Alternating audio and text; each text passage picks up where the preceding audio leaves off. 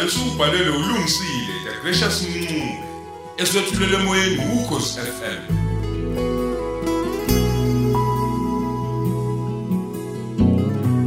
yamukela isiqebu seshumi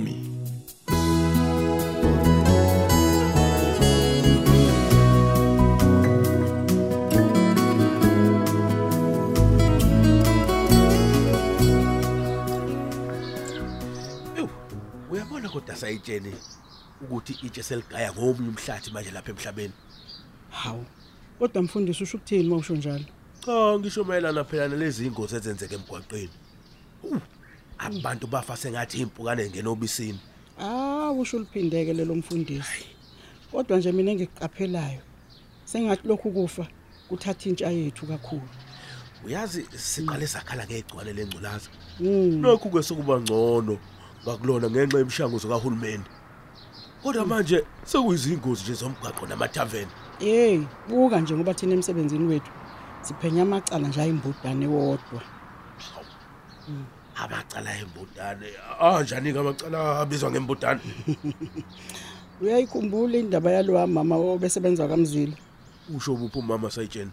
Ngisho lona phela wadliwa izinja. Oh, kuyomkhumbula lo u- umamdluli. Uyazi? Sathi uma sifika khona safika icubu zomzimba nje singasaphelele. Kwathiwa zidliwe izinja. Hayibo wena. cabanga ke ngoba kufanele siphenyisise ukuthi ngabe ngempela inhliziyo kanye nesibindi sadliwa izinja ngempela yini Hayi sayitsheni, nithwele kanzima ngempela uma kunjalo.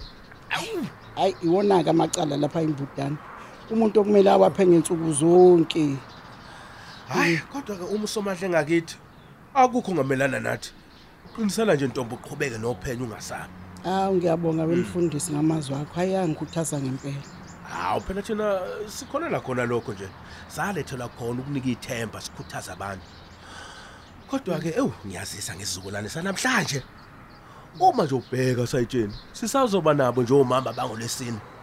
he wabuza umbuzo wangempela ke lapho umuntu angiboni nje mina ukuthi sizoba nabo omama bangumkhuleko Hey. uma kunje hayi Phela kuyobe kuqala nje ngalesi sizukulwane ukuba nogogo abahlala ndawonye endlini eyodwa bengashadile. Yebo kanye namakhehla ahlala ndawonye kodwa enabazukulu njalo. Hayi sekho nje imshado manje.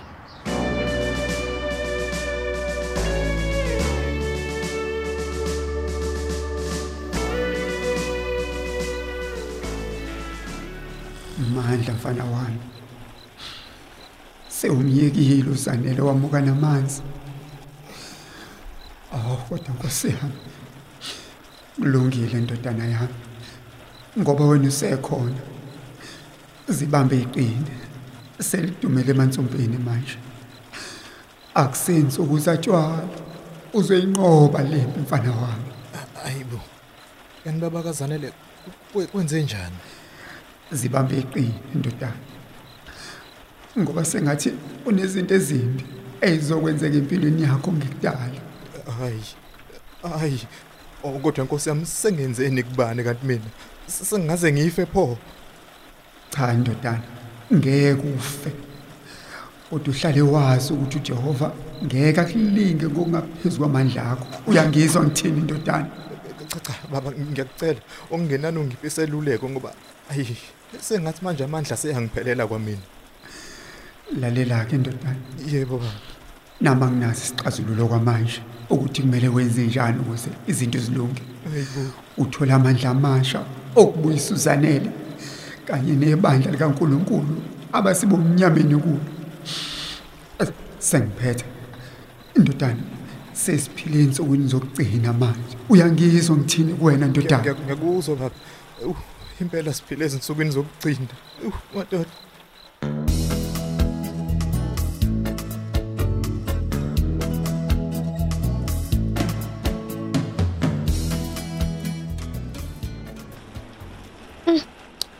Kodwa ke lo moya uyabanda mandunkulu. Awonaka makhaza. Iwona usiza impela namhlanje. Azosiza.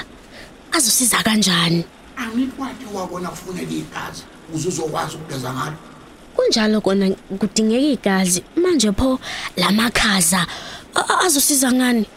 uyabona njengoba kubanda nje abashayeli abaningi bavula umoya oshisayo ey'motweni zabo Oh, ushi air condition ama heater. Ishona kanye. Kanti-ke basuke bekhathele ngalesi khathi bese lo moya uyashesha ukuzelisa kulula phazamisa-ke mabenjalo. Mabekhathele. Cha uhlakaniphile. Uhlakaniphile mandunkulu ngoqongoqo.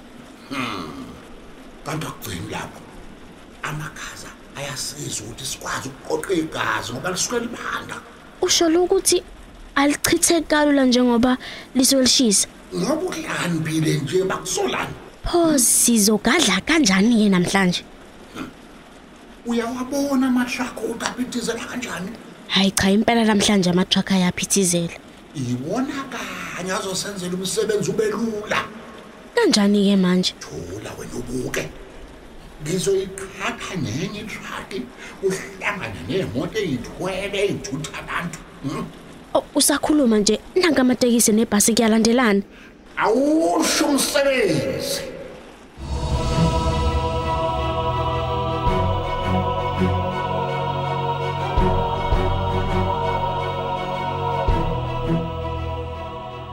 hayi cha zanele nkosazana izinto zakho buka ngathi sezihamba kahle impela ke manje kulomsebenzi wakho Hawu. Phela thina imali sikha ngamafosholo sifaka ikhwameni sihambe nayo. hey yazi mina ngacishe ngaphuca konke ubulungu bami nomnotho wami wonke wacishe wahamba. Hayibo. eh Kwakwenze njani ukuze kuthathe inqumo enzima kangaka? hey lalela. Inkinga yami kwaba ukuthi phela ngasuke ngaqasha umuntu ukuthi azongenzela lo msebenzi wokubulala. Kanti ke lo muntu wayengabulali namakholwa noma mhlambe ke intsha kuphela. Hayibo. Kanti akufanele yini ukuthi uqashe umuntu? hayibo hayibo akufanele neze. Hawu. Uthini lo muntu ichilo phela lelo kufanele uzibambele wena qobo Yazi waze wangisiza. Phela nami cishe ngaqasha umuntu ngibona imali isiningi nje.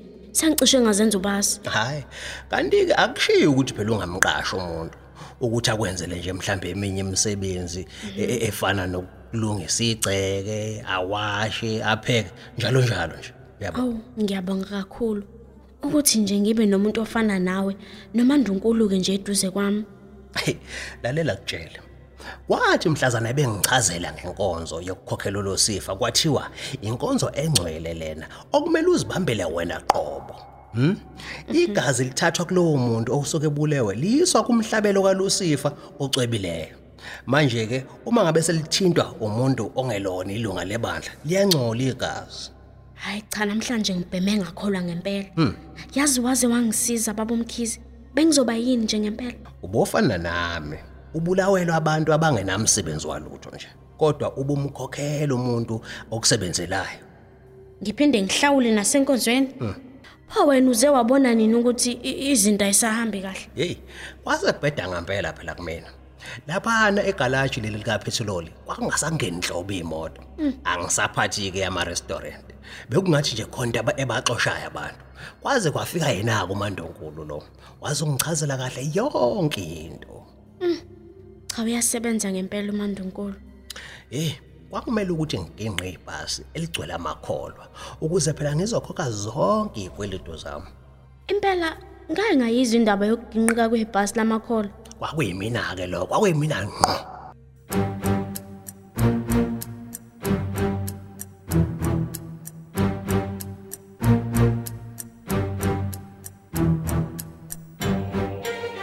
Hayi cha, sengathi uphenyo lwethu ngale ingozi ezingaka luphelele emoyeni nje sayitsheni. Hawu. Usho ukuthi kodwa ngabe ikona lokho osukwenza ukuthi wehle kangaka nasemzimbeni. Buka nje usuzwaqhunqa nangebala.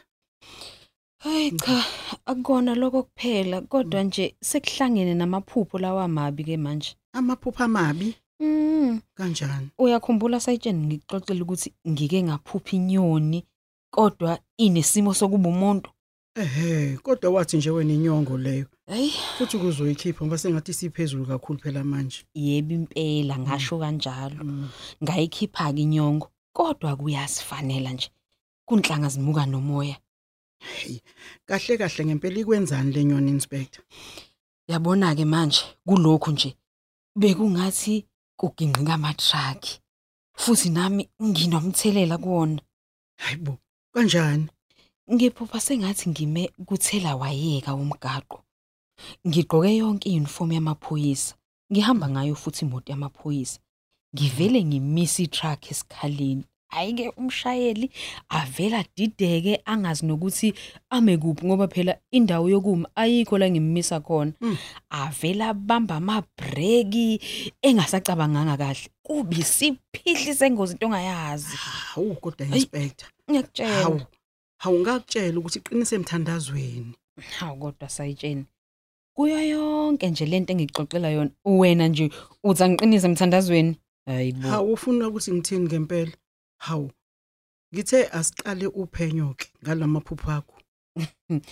Kodwa ke akuyona impendulo engiyilindele kumuntu nje ofana nawe leyo. Akuyona nje enhlobo hhayi kulungile-ke inspector hlale emthandazweni. Iyona nje mina impendulo yokuqala lena yokugcina engikunika yona hlale emthandazweni. Hayi ukhona.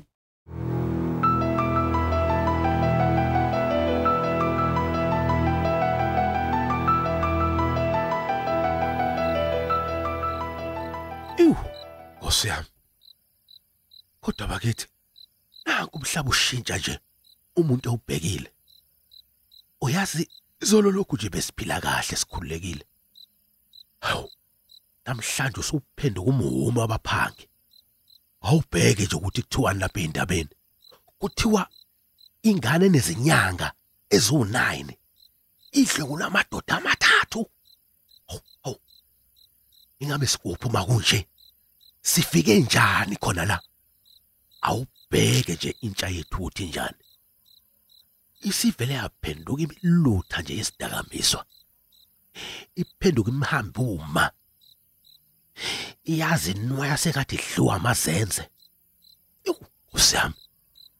Yona ke lena engathi ingconywana ayilala emakhaya uma kuyimpela sonto. bankunkana notshwala kuze kuse ah kodwa Jesu ubani ngempela ozovusa imizwa yobaba mkhulu makunje abazali basala bekukhulisa nje abasukulu kodwa ke laba bahlela uqeda ngesizwe sethu hayi ngeke impela ngeke baphumelele Oh, balo fonayo. Hello? Hello? Hello. Asuka. Asi abanye abantu banesikhathi nje sokudlala. Ungasho ukuthi lo oshaya ucingo e- e- bese yangiziba yini inkinga yakhe? Thule manje akakhulumi. Uzophinda ashaye bese ngiyaliziba nje. Kanti sekufona umuntu ngempela osenkingeni. Ayisuka.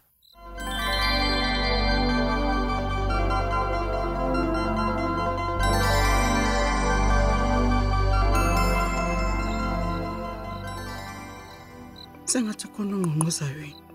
Ngena.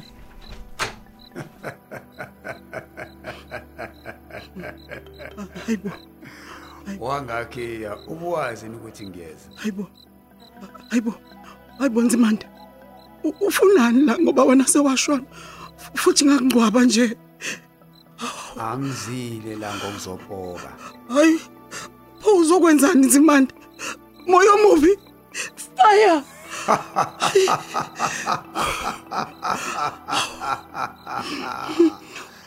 Cha angiwona umoya omubi noma idimoni. Pho- pho ufunani la nzimande kuthiwa angilethe ukuthula emzini wami kanye nasemhlabeni. Wena nzimande ulethe ukuthula emhlabeni? Yebo utholakala ukuthi lo msindo ongaka okhona emhlabeni usuka la emzini wami. Usuka la ekhaya kanjani? Uzanele kanye nebandla lakhe leli afakwa lona ngunosipho. Awu kanti linani leli bandla elingase liz- liz- likuvuse ekuphumeleni kwangulaphakade yebo nzimande uzuqonde uma uzothatha ngeso lenyama kepha thina sesiphila ngokukamoya simbulela ukubona yonke into. lo mndeni wakamzila sengawuthethelela kudala ngokungibulala nawe ngicela uthethelela awu baba bakubulala kanjani baba? Sengiyahamba-ke manje isikhathi sesiphelile. Usemningi umsebenzi. Ucela umlalele insikhabo wakhe. Sale kahle. Baba umela kancane. Awunzima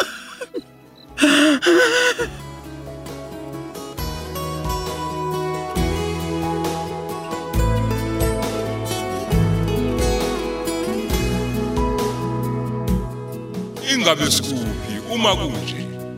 Siubamba lapho ke umdlalo wethu ukhozi FM